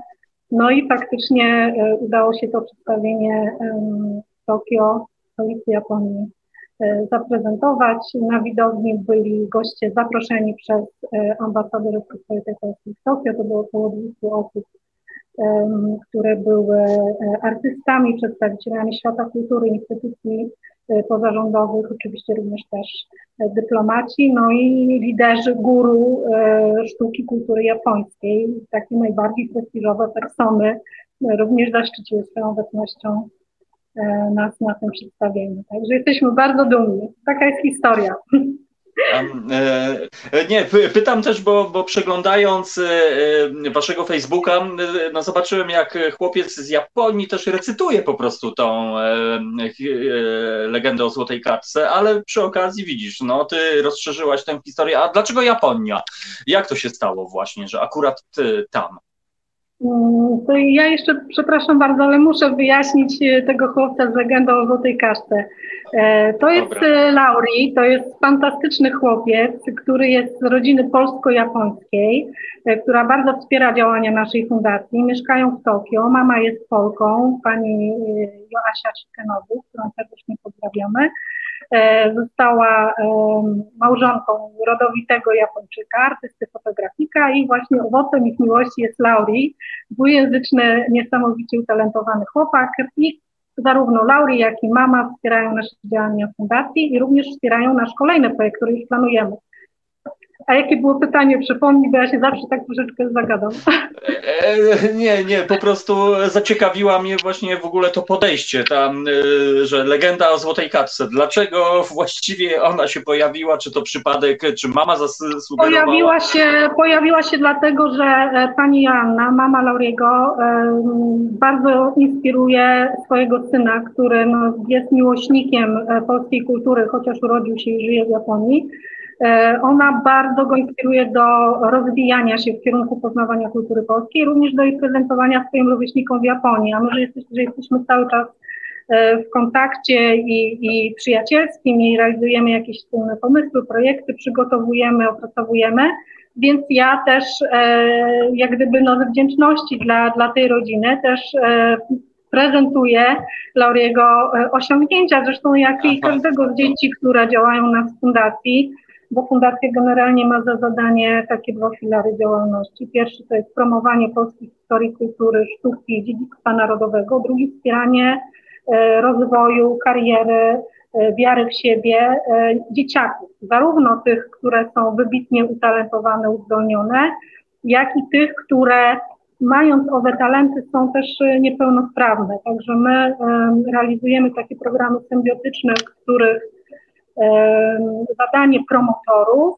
e, ambasadorów polskiej kultury, historii, dziedzictwa e, pełnią właśnie dzieci. My zapraszamy dzieci z całego świata, dzieci polonijne do Polski, e, ale również wysyłamy w większości, to jest taki profil naszej działalności, że wysyłamy grupy takie artystyczne, związane ze sztukami scenicznymi, z tańcem, z muzyką, ze śpiewem, ze, ze sztukami wizualnymi, z różnymi formami ekspresji, od IT przez jakieś prezentacje multimedialne, gry i, i, inne fantastyczne historie, gdzie właśnie ich twórcami, projektantami, realizatorami są dzieci i wysyłamy te dzieciaki pod, pod polską um, flagą z, z orzełkiem na czapce w Polskę, e, w świat, przepraszam, i i, i ich właśnie talentem, ich energią, polską energią e, zarażamy głównie środowiska polonijne w Stanach Zjednoczonych, w Japonii, ale też realizowaliśmy e, projekty w Barcelonie i, i w Berlinie, w Stanach Zjednoczonych to było zarówno Tokio, jak i, e, jak i Chicago. Także no, promujemy dzieci, promujemy Polskę, dwie pieczynie na jednym ogniu. No, tak nie, nie, nie może być lepiej. E, Alicja, e, pandemia mm, na pewno Wam trochę pokrzyżowała e, szyki, plany. Jak zmieniło się działanie fundacji w tym czasie? Pokrzyżowała plany, dlatego że my przygotowywaliśmy projekt w Singapurze, który no, z powodu COVID-a nie mógł zostać zrealizowany. Projekt ten miał być czy siódmą już edycją programu Malujemy historię, pokonujemy granice. Jest to taki cykliczny program, y, który ma za zadanie prezentację y, prac plastycznych, artystycznych, ilustrujących polską historię i polskie legendy. Y, I już wielokrotnie w tych różnych wszystkich miastach, o których wspomniałam, te, te wystawy były prezentowane. Wystawy oczywiście przygotowywane przez dzieci z Polski, dzieci polskie również ze Stanów Zjednoczonych. Mieliśmy tym razem tą wystawę zaprezentować E, kolejną już w tym cyklu. W Singapurze do tego nie doszło. Natomiast e, coś trzeba było robić, tak, bo nie mogliśmy, wiadomo, realizować warsztatów, nie można było się z dziećmi spotykać, nie można było e, dzieci zapraszać na jakieś zajęcia artystyczne i, i terapeutyczne, czy generalnie takie artystyczno-rozwojowe, więc skupiliśmy się na, na opracowywaniu projektów merytorycznie, tak, przygotowywaniu projektów na kolejne lata oraz działalnością e, wydawniczą. E, przygotowywaliśmy przez cały ubiegły rok materiał e, literacki do publikacji, którą mam nadzieję, że wydamy w tym roku. Będzie to album fotograficzno-literacki o tytule Dziedzictwo, album oczywiście dwujęzyczny polsko-angielski, w którym znajdą się legendy E, opowiadania i wiersze o Polsce, polskiej historii, polskich zabytkach, o polskim morzu, które jest moją największą miłością życia, o polskiej, e, generalnie o polskim dziedzictwie. E, nieskromnie przyznam, że ja jestem autorką wszystkich tych utworów, dlatego że poza tym, że, że jestem artystką, architektą wnętrzy, że, że działam w fundacji, to też zajmuję się działalnością właśnie taką literacką. E, I, I właśnie przygotowałam ten materiał literacki do, do, tej, do tej publikacji, natomiast e, będzie też oprawa graficzna w postaci przepięknych zdjęć. E, mamy już namierzonego, bardzo wybitnie uzdolnionego artystę, fotografika, z którym wstępne rozmowy zostały przeprowadzone na temat możliwości wykorzystania jego zdjęć do zilustrowania tego albumu. Czekamy na jakiś kolejny kontakt ze strony tego pana, wierzymy, że to się uda. Sponsora na, na, na, na ten projekt publikacyjny też mamy tak wstępnie, e, że tak mhm. powiem, e, upatrzonego i to jest pan, który wielokrotnie już wspierał naszą fundację w różnych programach, także wierzę, że tym razem również się e, pochyli nad, nad tym projektem. No i będziemy mieli przepiękny album, akurat świetnie się składa, bo będzie to album jubileuszowy, dlatego że w przyszłym roku e, będzie rocznica dwudziestolecia istnienia naszej fundacji, która została założona w 2002 roku. Mm, od 10 lat mamy statut organizacji pożytku publicznego, ale już od samego początku, od 2002 e, roku realizujemy właśnie te działania Art and Culture dla dzieci i dla Polski. No i będziemy świętować przy okazji właśnie ciesząc się tą publikacją. Ona oczywiście nie będzie przeznaczona do sprzedaży, tylko będzie przeznaczona na promocję e, Polski w środowiskach polonijnych, dla naszych partnerów, sponsorów, dla przyjaciół fundacji. Taki jubileuszowy, pamiątkowy album. I jeszcze mam nadzieję, że uda nam się też wypromować tego wybitnego artystę, fotografika, który robi przepiękne zdjęcia morza. Najpiękniejsze, jakie widziałam w życiu. No ładnie znowu to może wybrzmiało, e, po prostu się rozmarzyłaś. E, Alicja, powiedz mi, kto może być waszym podopiecznym? To znaczy, powiem, że są, wspominałaś dzieci niepełnosprawne, e, ale, ale no właśnie, jeżeli... Mhm. Ale jeżeli ktoś teraz, słuchają nas rodzice, których zaciekawiła ta rozmowa, jak można, nie wiem, dostać się pod wasze skrzydła, że tak powiem? Od początku zacznę. E, my sprawujemy jak gdyby taką opiekę patronacką, e, promotorską, inwestujemy w dzieci, e, które niekoniecznie muszą być niepełnosprawne, to muszą być po prostu dzieci zdolne, bo to jest najważniejsze w tych dzieciach, ich potencjał, ich dar, ich talenty i na tym się skupiony, tak? A nie na tym, czy dziecko jest mniej chore, czy bardziej chore, każdy z nas na coś tam choruje. Natomiast rzeczywiście staramy się też często pochylać nad tymi dziećmi, które mają orzeczenia niepełnosprawności, niepełnosprawności, dlatego że wiadomo, że one mają jakiś tam troszeczkę utrudniony dostęp do, do tej promocji, tak, do kultury y, poza Polską, czy do, do wspierania swojego talentu. I można do nas kierować dzieci y, na projekty y, dedykowane konkretnym grupom wiekowym, albo konkretnym grupom, jak gdyby takim komponentowym. E, konkursy, nabory e, dzieci na projekty są przez nas zawsze podawane do wiadomości publicznej na naszej stronie na Facebooku. E, to jest strona Fundacja Kochajmy Zabytki Dziedzictwo Dzieciom. Heritage for the Children Foundation to jest nazwa anglojęzyczna tej fundacji, bo fundacja jest zarejestrowana zarówno w Polsce, jak i w Stanach Zjednoczonych. Mamy też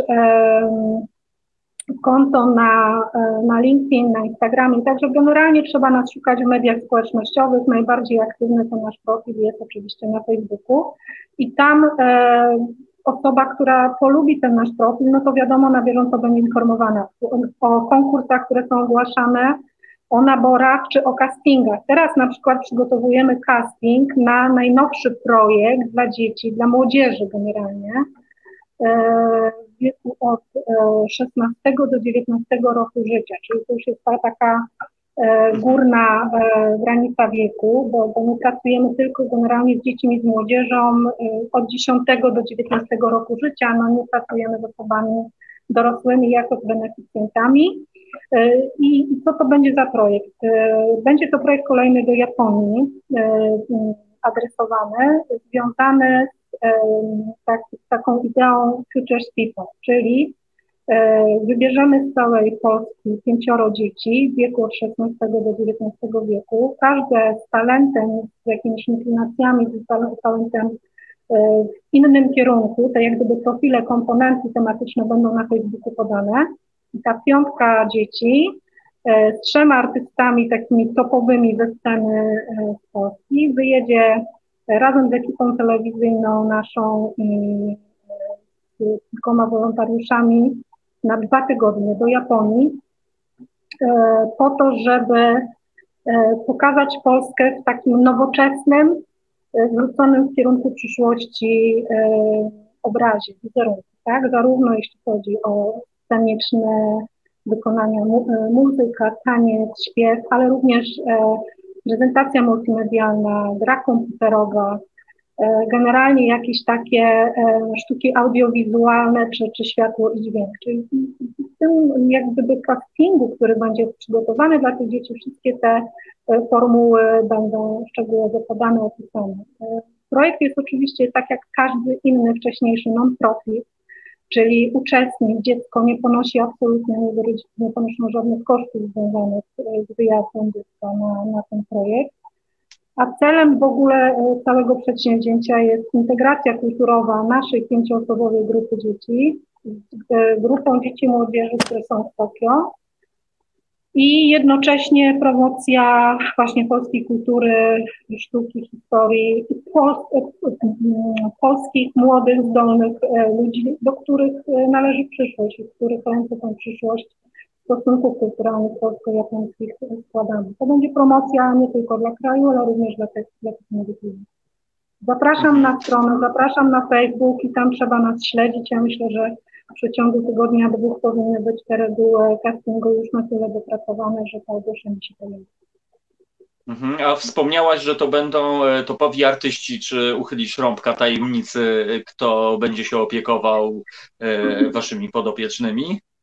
Nie mogę tego zrobić jeszcze, natomiast mogę powiedzieć, kto do tej pory e, z tych właśnie o. topowych artystów e, uczestniczył w naszych e, projektach. Współpracowaliśmy w projektach nowojorskich z Kasią Cerekwicką, z Mezo, czyli z Jackiem Mejerem. Oczywiście te, te gwiazdy były u nas na nasze zaproszenie, byli gośćmi naszego oddziału w Nowym Jorku. E, gościliśmy Kamila Bednarka, nawet urodziny mu wyprawialiśmy razem z naszymi dziećmi e, w trakcie warsztatów. E, była Ewelina Lisowska, a w latach wcześniejszych współpracowaliśmy z panem Piotrem Gąsowskim, z panem Robertem Rozmusem, z panią Hanną Śleszyńską i z wieloma innymi artystami. Współpracujemy też ze sportowcami. E, I naszymi przyjaciółmi są Przemek Saleta, Darek Michalczewski, polska kadra Strongman, także to jest wiele, wiele takich topowych nazwisk, wielkich mięśni, cudownych gardeł, fantastycznych dziewczyn i super chłopaków też. Także e, e, projekty, projekty są różne i, i mm, warto się interesować, bo mają profil albo sportowy, albo kulturalny, albo jakiś komputerowy, czyli każdy coś dla siebie na pewno może znaleźć. E, Alicja, wspomniałaś Kamila Bednarka. Czy to prawda, że e, podobno zagrał koncert e, na fortepianie i grał Paderewskiego w stylu reggae? A wiesz, przepraszam bardzo, nie mam takich informacji. Natomiast A, wiem, ja... że u, u, nas, u nas jak był w Nowym Jorku, to był e, fantastycznym e, liderem, instruktorem razem z Mezo i z Kasią i z Eweliną. Prowadzili warsztaty Nowy Jork śpiewa po polsku. E, I wtedy śpiewał faktycznie w swoim stylu, ale fortepianu ze sobą nie miał ani w samolocie, ani tam na, ani na warsztatach. Ja, wiesz co, bo zrobiłem taki research, czyli przeczesałem internet i rzeczywiście znalazłem właśnie Kamila Bednarka gdzieś tam na scenie, który tam siedzi normalnie i gra tego paderyskiego, co prawda, no może nie do końca w stylu reggae, no takim e, bardziej prasłowiańskim, no ale, ale e, no, mogło, mogło to mieć miejsce, natomiast ja też nie, nie w każdym momencie na sali warsztatowej byłam obecna, więc być może to miało miejsce w momencie, w którym nie, nie, nie było fizycznie, tak, w tym miejscu, gdzie, gdzie się odbywały no tak. warsztaty. Tak. Na naszej Wybrałaś stronie. na pewno Boba Marleya, który był podobno. na naszej stronie na Facebooku i na LinkedIn e, znajdują się reportaże. E, na Facebooku są, zdaje się, wszystkie po kolei z wszystkich mhm. lat, a na LinkedIn są jakieś wybrane reportaże stacji zarówno polskich, jak i e, telewizji regionalnych czy telewizji polskiej, ale mamy też e, filmy przygotowane przez Polvision Telewizję ze Stanów Zjednoczonych, czy nawet firmę Endemol, filmy dokumentalne naszej fundacji. Także zapraszam, można zobaczyć jak pracujemy, jak wyglądały te projekty, jakie gwiazdy w nich uczestniczyły, a przede wszystkim jakie dzieci w nich uczestniczyły fantastyczne i co pokazały światu, na co stać Polskę i, i w którym idziemy kierunku, jak się rozwijamy cudownie artystycznie, tak? E, e, Alicja, wspominałaś no, w, w, wiele razy Tokio, Japonia e, pojawia się na waszym, na celowniku waszych działań. Powiedz, dlaczego? Czy to jest spowodowane tym, że jednak Japonia kojarzy się z taką progresywnością, z nowoczesnością, z nowymi technologiami, jakby z takim naprawdę 10 lat do przodu przed całym światem? Czy to jest ten klucz? Właśnie, dlaczego, dlaczego akurat tam? Powody są dwa. Jeden jest taki e, bardzo e, subiektywny, egoistyczny, związany jest z, z, tak powiem, no, z moją osobą i z jakimiś moimi zainteresowaniami, bo jestem matką, ojcem tej fundacji, założycielką i, i, i prezesem. Mam zaszczyt być tej fundacji od, od samego jej początku. Natomiast udało mi się też przekonać Radę Fundatorów, sponsorów właśnie do inwestowania w projekty japońskie, dlatego że ja bardzo kocham od dziecka ten kraj, jego kulturę i zawsze jeżeli się coś kocha, to ma się taki autentyczny dar przekonywania w kierunku jakby zarażania miłością do, do danego przedmiotu, do danego kraju. Także ja, ja wierzę w to, że największy talent, który posiądę, to będzie E, umiejętność zarażania miłością do morza, ale na razie do Japonii mi wychodzi, także sponsorzy się pojawiali, była więc ta możliwość. Natomiast e, drugi powód, dlaczego ta Japonia? Dlatego, że to jest fantastyczny e, faktycznie grunt e, na, na tą implementację kultury polskiej, dlatego, że Japończycy są narodem, który jak żaden inny na świecie jest pazerny, cudownie, pozytywnie pazerny na wszystko co polskie. Oni chłoną polską kuchnię, chłoną oczywiście Chopina, polską historię, polskie malarstwo, po prostu są zafascynowani Polską i e, zawsze mamy tam takie ciepłe przyjęcie, ogromny jest entuzjazm ze strony wolontariuszy, instytucji, artystów. Także no i następna też sprawa, że po tym naszym projekcie e, związanym z przedstawieniem teatralnym bardzo się e, fajnie tak jakby rozwijała, kontynuowała ta nasza współpraca z Japonią tutaj w Polsce, bo w 2017 roku były na przykład obchodzone uroczystości 60-lecia współpracy polsko-japońskiej. Były one organizowane przez ambasadę Japonii w Polsce, Królestwa Japonii oraz przez Ministerstwo Spraw Zagranicznych, przez Departament e, Współpracy właśnie kulturalnej. No i to się okazało, jedyną organizacją pozarządową, instytucją kultury pozarządową, która została zaproszona na te uroczystości w Polsce, była nasza właśnie fundacja. Zostaliśmy zaproszeni przez NFZ, przez, przez pana ambasadora. Przygotowały, przygotowały nasze dzieci przepiękną wystawę e, o przyjaźni polsko-japońskiej związaną z elementami kultury, tej wymiany, integracji kulturowej. I e, Część tej wystawy była prezentowana w trakcie, w trakcie tych uroczystości właśnie w Warszawie, a druga część tej wystawy pojechała na takie same uroczystości do Japonii i były prezentowane tam e, w trakcie wystawy na, Uniwersytecie Tokijskim. Także ta współpraca e, fajnie się układa, też e, mamy też takiego anioła stróża, takiego ducha opiekuńczego tej naszej przyjaźni polsko-japońskiej, dlatego że e, funkcję społeczną, non-profit, e, jako wolontariusz pełni w naszej fundacji również były ambasador Rzeczpospolitej Polskiej w Tokio, pan Cyryl Kozaczewski, którego serdecznie pozdrawiam. I w tej chwili w naszej fundacji już od szeregu lat jest on międzynarodowym ambasadorem naszej fundacji na cały świat. Ambasadorem i fundacji, i naszych projektów. I mhm. też na pewno dzięki jego takiej ogromnej miłości do, do Japonii, do Japończyków, mamy szansę na kontynuowanie tej współpracy.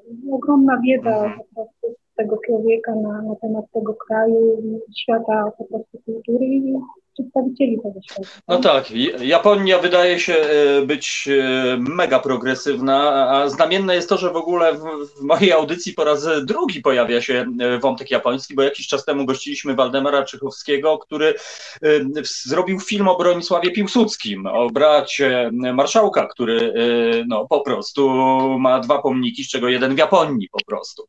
Tak więc taka historia. Aż się prosi, żeby zrobić w ogóle może jakiś, jakąś jakąś dobrą porę, akurat y, trochę sfokusowaną właśnie może po prostu no, o tym kraju. Tak więc Alicja, ja pozwolę sobie Ciebie zaprosić. No dla mnie Japonia jest na przykład progresywna ze względu na muzykę, dlatego że moje muzyczne zainteresowania, jeśli chodzi o na przykład gatunek acid jazz, który pojawił się na początku, pod koniec lat 80., on się właśnie pojawił z Japonii po prostu. Tam to się zaczęło robić. Dziwne influencje, że tak powiem, brazylijskie, dlatego że dużo muzyki e, japońskiej jest inspirowane Brazylią, e, właśnie tej jazzowej muzyki. Ja tego kompletnie nie rozumiem, więc być może będzie okazja, żeby Ciebie popytać, dlaczego, skąd, co i jak.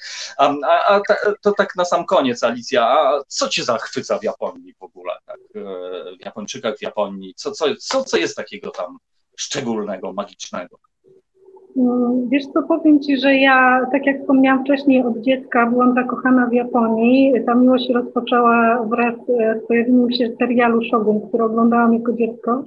Polsce i, i od tamtej pory byłam tak bardzo zdeterminowana do, do tego, żeby poznać ten kraj, tą kulturę, że nawet w szkole prowadziłam korespondencję z jakąś dziewczynką z Japonii um, i nawet powiem, że to było w języku rosyjskim, bo angielskiego jeszcze wtedy nie znałam, jako uczennica podstawówki.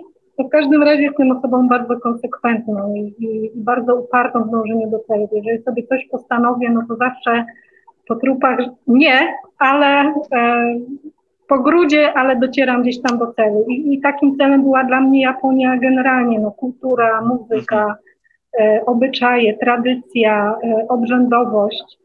Wszystko mnie w tym kraju zachwyca. Natomiast najbardziej tym, co mnie zachwyca w życiu, to już wiesz, jest morze, dzieci, a dzieci to ludzie. Więc w Japonii najbardziej zachwycili mnie ludzie, i, I w ogóle historię tego, jaki to jest naród, jakie oni mają serca, jak bardzo szanują innych ludzi, chyba najlepiej odda taka historia z e, okresu tuż po II wojnie światowej, gdzie wiemy, że Japonia była nieszczęśliwie dla nas e, po drugiej stronie, była w e, kręgu powiedzmy kraju osi. Natomiast mimo tego, że Polska była przeciwnikiem jakby militarnym w tym, w tym konflikcie w II wojnie światowej, to po II wojnie światowej Japonia, rząd japoński wydelegował ekspedycję na Syberię, gdzie e, znajdowała się tak zwana polska wioska dzieci. E, była to wieś, w której umarli wszyscy dorośli. Rodzice albo zostali zabici, albo poumierali. Została garstka dzieci, które no tak powiem, prawie, że zjadały siebie nawzajem. E, I to były polskie dzieci, one prostu umierały z głodu. E, japoński rząd się o tej sytuacji dowiedział, wysłali ekspedycję naukową, humanitarną, ratowniczą do tych dzieci. I te dzieci zostały zabrane wszystkie, uratowane z tej e, wsi na, na Syberii wywiezione do Japonii, do ośrodka Fukudenkai. To jest do tej pory istniejący dom dziecka, dom opieki dla dzieci zdrowych i niepełnosprawnych. No, do tej pory nosi tą samą nazwę, Fukudenkai. I my, e, jadąc do, do Tokio z grupą polskich dzieci, żeby się odwdzięczyć w ogóle Fukudenkai Japończykom za to, wszystko zawieźliśmy dla tych dzieciaków z tego domu dziecka 60 kg słodyczy firmy sponsora. Czy mogę podać, żeby podziękować im? czy nie? Bo mówi, mówi. Go, to były słodycze polskiej firmy Goplana. tak, Goplana dała nam 60 kilo słodyczy, plus do tego zawieźliśmy oczywiście czapeczki, koszulki, pamiątki, breloczki, kubki, wszystko co pokazywało Polskę i morze. I zawieźliśmy to wszystko dla tych dzieci e, do, do Japonii, wręczyliśmy im oczywiście lot, e, który też nas od, od wielu lat wspiera, Polskie Linie Lotnicze LOT, wszystkie te prezenty zabiera nam zawsze za darmo, a z powrotem jak wracają nasze dzieci z prezentami, z bagażami, to też zawsze mamy po prostu za free te, te nadbagaże, te ekstra prezenty. E, I faktycznie było to też potrzebne w drugą stronę, bo, bo nasze dzieciaki z Japonii wracały też obładowane, każde miało tam co najmniej jedną, dwie walizki na bagażu związane z prezentami. Tak, tak. No ale też zostaliśmy bardzo ciepło przyjęci w Fukudenka i to spotkanie zostało zaaranżowane przez pana ambasadora właśnie wspomnianego Cyryla Kozaczewskiego, który był gościem honorowym tego E, tego spotkania był festiwal, na którym pokazano nam e, kuchnię Japonii z wszystkich jej regionów, e, tańce, jakieś elementy kultury. Także no, fantastyczne wydarzenie, cykl wspaniałych warsztatów, wystawa plastyczna, o której wspomniałam, przedstawienie teatralne mm. No dwa tygodnie działo się. Teraz będzie to samo, tylko w kierunku, w kierunku nowoczesnych sztuk scenicznych, IT, i, i, i gier I polskiego, i polskiego hip-hopu, yo, po prostu. A e, też już, ja... chyba, już chyba gdzieś widziałeś jakieś e, ściągi dotyczące tych trzech tajemniczych nazwisk, o które pytałeś. Bo hip-hop też Niestety, będzie. Niestety nie mogę ujawnić moich researcherów, sama to rozumiesz po prostu. E, e, Alicja, no fantastycznie się słucha e, Twoich opowieści i, i, i, trzymamy kciuki. No i znowu kolejna historia, nieznana, tak samo jak poprzedni gość Marcin opowiadał o, o tej bitwie w Kambodży, o której niewiele osób wie. Ja przyznam się, pierwszy raz usłyszałem historię o, o tej wsi opuszczonej, o, o tym cudownym geście humanitarnym władz Japonii w stronę polskich dzieci. To naprawdę widzisz, jakie to jest ważne, takie, takie drobiazgi, a ile, ile możemy się dowiedzieć. A Alicja, bardzo Ci dziękuję e, i, e, i obiecaj, że jak, jak będę robił program o Japonii, to tutaj jako ekspertka z albo tamtego się objawisz po prostu. Dobra, proszę się. O, obiecujesz. Bardzo Ci dziękuję. Wszystkiego dobrego. E, dziękuję Alicja, Augustyniak była naszą e, gościnią, gościem, no i opowiadała nam po prostu o kraju kwitnącej wiści i o działaniach przede wszystkim swojej fundacji. Wszystkiego dobrego, bardzo Ci dziękuję, do usłyszenia, do zobaczenia. Dziękuję, do widzenia. Co za historia, drodzy słuchacze. No proszę bardzo, e, no, dwa tematy. Przynajmniej ja sobie wyhaczyłem dzisiaj dwa tematy, moim zdaniem naprawdę na niezłe, dwa niezłe filmy.